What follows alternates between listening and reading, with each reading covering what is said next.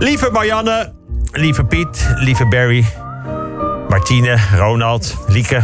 Maandag 3 juni, gisteren was de eerste tropische dag van het jaar in Nederland. Dat is geen wereldrecord.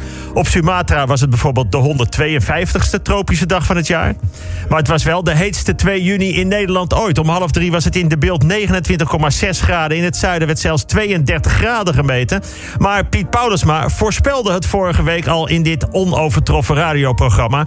Piet wist precies te vertellen wat voor zomer we gingen krijgen. Hij zei ongeveer het volgende. Het wordt dit jaar een zomer met af en toe wat tropische dagen. Het is vaak warm, maar niet altijd. Er zullen buien vallen, maar er is ook ruimte voor de zon. Er komt waarschijnlijk ook een hittegolf in juli of augustus. En op zijn laatst in september. Ja, zo kan ik ook een huwelijk voorspellen. Jullie zullen zeker in het begin gelukkig zijn. Natuurlijk niet altijd precies even gelukkig, maar wel vaak gelukkig. Er zullen ruzies zijn, vaak klein, soms wat steviger. Verder zullen jullie leuke vakanties hebben, maar ook vakanties waar je na drie weken samen blij bent dat je eindelijk weer thuis bent en lekker je gang kunt gaan. In het begin is er genoeg seks, later ook, maar dan niet altijd thuis. Kortom, wat ik wil zeggen, het was een warme dag gisteren, maar wij weten nog helemaal niet wat er deze zomer allemaal gaat gebeuren. Zelf verwacht ik woensdagavond wel een stevige storm bij mij in de buurt. Dinsdag 4 juni er zijn twee bekende Nederlanders overleden... die wellicht bij mensen onder de 30 totaal onbekend zijn. Maar ik noem ze toch even. Ten eerste was daar oud-voetbaltrainer van onder andere Haarlem, Barry Hughes. Ik was ooit bij een lezing van hem over succes. Hij vertelde over het geheim van klantenbinding. Gaat zo?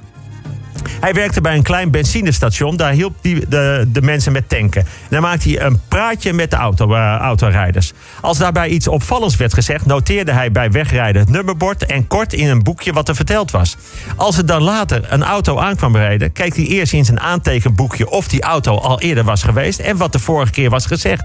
Als iemand bijvoorbeeld een keer ervoor had verteld... dat hij op weg was naar zijn vader in het ziekenhuis... dan begon Barry tijdens het tanken met... en hoe gaat het trouwens met je vader? Die lag toch in het ziekenhuis? Kijk, op die manier kreeg hij allemaal vaste klanten. Ze stonden in de rij voor een praatje of om gewoon even bij te tanken. Simpel toch? Wie je aandacht geeft, die komt terug.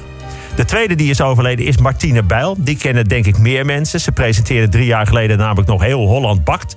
Ik ken haar van veel langer geleden. Ik keek vroeger graag naar haar. Ik vond haar mooi. Ik zeg, ja, ik zeg het maar gewoon. Ik vond het een lekker wijf. Dat mag je tegenwoordig niet zomaar zeggen. Maar ik dacht dat als jongetje. Ik dacht als jongetje, als ik later ooit een vrouw heb als Martine Bijl... dan stop ik gelijk met werken. En dan ga ik de hele dag alleen maar... Nou ja, afijn, op je veertiende denk je als jongen ook maar aan één ding. Maar let op, ook in die tijd was je pas een lekker wijf... als je ook grappig was. En vrolijk, gespeeld gemeen, heel lief en een beetje onbereikbaar. En dat was ze allemaal. Woensdag 5 juni, Barcelona krijgt een ander voetbalshirt. Ze gaan over van de traditioneel blauw-rode strepen naar blauw-rode blokjes op het shirt. Blauw-rode blokjes van Barcelona is toch vreselijk? Weg is het mooie Barça-shirt waar Cruijff in heeft gespeeld. Neeskens, Koeman, Van Bronckhorst, Xavi, Iniesta, Romario, Ronaldinho, Messi, Lieke Martens. Die speelden allemaal met strepen en nu blokjes. Alsof Ajax opeens gaat spelen in een rood-witte bolletje rood-witte bolletjestrui. Feyenoord in horizontale balken. PSV met rood-witte piramides die je alleen ziet met een 3D-brilletje. Dit zijn klassieke shirts. Flikker op, beetje blokjes. Ik vind het vreselijk. En wat lees ik er dan over in de krant? Let op, komt-ie. De nieuwe afwijkende shirts gaan sowieso aanslaan bij de jeugd. Jongeren vinden iets anders juist altijd gaaf. Het zijn de 30-plussers en de huilie-huilie-puristen die er moeite mee hebben. Maar dat soort mensen moeten we niet meer serieus nemen. Dat zijn mensen die Barry Hughes nog hebben gekend. Of Martine Bijl een lekker wijf vonden. Oké, ik ben inderdaad net boven de 30. Maar ik vind die clubkleuren mooi, ja. En ik vind het inderdaad ook raar dat je een speler kunt kopen voor 100 miljoen. Barcelona, een van mijn lievelingsclubs, wil nu Neymar en Griezmann kopen voor 120 miljoen per stuk. En ze hebben Frenkie al voor 80 miljoen. Weet je wat, doet Matthijs de ligt er ook bij voor 90. De acht grootste clubs in Europa kopen lekker elk jaar voor 500 miljoen aan nieuwe spelers. En zo kiest bijna elke voetballer voor het grote geld. Er is bijna geen speler meer onder, de, onder die acht clubs die langer blijft bij, dan drie jaar bij zijn club. Niks lekker tot je 27e met je vrienden met wie je in de jeugd ook al hebt gespeeld. In je mooie shirt met dezelfde strepen als waar je vroeger als jongetje in het stadion naar ging kijken. Ik zou je zeggen, als Martine Bijl vroeger opeens in een blokkenjurk was gaan lopen, had niemand het een lekker wijf gevonden. Donderdag 6 juni Ja, er waren al de hele dag woensdagavond bliksemschichten. Maar verder kon ik bij wijze van spreken nog rustig buiten met mijn marshmallow op een stokje bij het kampvuur zitten spelen. En net toen ik dacht, die hele code geel en oranje trekt aan mijn buurt voorbij, begon het om half elf te waaien te stormen, te hozen, regen, windhozen. Het was angstaanjagend. Bomen kraakten om hulp. Er vloog van alles door de lucht. Ik zag mensen uit de buurt langs het raam zweven die ik al een paar dagen niet had gezien. Mijn vriend Fico had smiddags al gezegd dat hij s'avonds nog even langs zou waaien. Nou, maar dit had ik niet verwacht. Van pure ontkenning ben ik gewoon naar bed gegaan.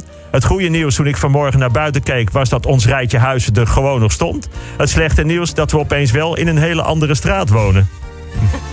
Vandaag begint voor de Nederlandse voetbalmannen de finale ronde van de Nations League tegen Engeland. Mooi is, er staat een echt hecht team van Oranje. Als je de trainingen ziet, als je kijkt wat ze posten op social media, dan zie je de lol en het samen. Het is genieten. Vanavond zullen ze best wel achter kunnen komen met 1-0. Maar dit is een team dat er altijd een verlenging uit kan slepen. Het lijkt mij een typische 2-1 wedstrijd. of misschien zelfs 3-1. Ja. Vrijdag 7 juni. De Oranje Mannen hebben met 3-1 gewonnen van Engeland. In een echte wedstrijd. Bijna hadden we verloren. Maar gelukkig stond bij een goal volgens de VAR de Engelse speler Lingard precies anderhalve millimeter buitenspel. En zo zie je maar. Als die Engelsen niet alles kunnen kopen, dan zijn wij beter. En als ik Koeman was, zou ik in die finale ook zeker VAR weer in de basis zetten. En dan begint vandaag ook nog eens de WK voetbal voor de vrouwen. Ik ken mannen die er helemaal niks mee hebben. Ik hoorde drie mannen in het café waar ik eh, kom sinds mijn huis weg is. Die hoor ik praten over de oranje vrouwen. Ik hoorde ze zeggen... Daar winnen wij nog van met veteranen 3. Ja, moet je ze zien zitten. Met z'n drieën opgeteld, 350 kilo. Ze hebben er geen idee van. Nou, ik wel. Ik heb zin in die oranje vrouwen. En ook in het voetbal. Wij hebben een voorhoede met Van der Sander, Miedema en Martens... met erachter de geweldige Danielle van de Donk en Jackie Groene. En we spelen in klassiek oranje shirts. Wij winnen maandag met 2-0 van Nieuw-Zeeland. Maar eerst hebben we nog een lang weekend met Pinkpop. En zondag winnen de mannen van Portugal. En ik hoop dat de storm van vanavond de andere kant op waait... en dat ik dan weer in mijn oude straat woon. Ik wens jullie een hele mooie week.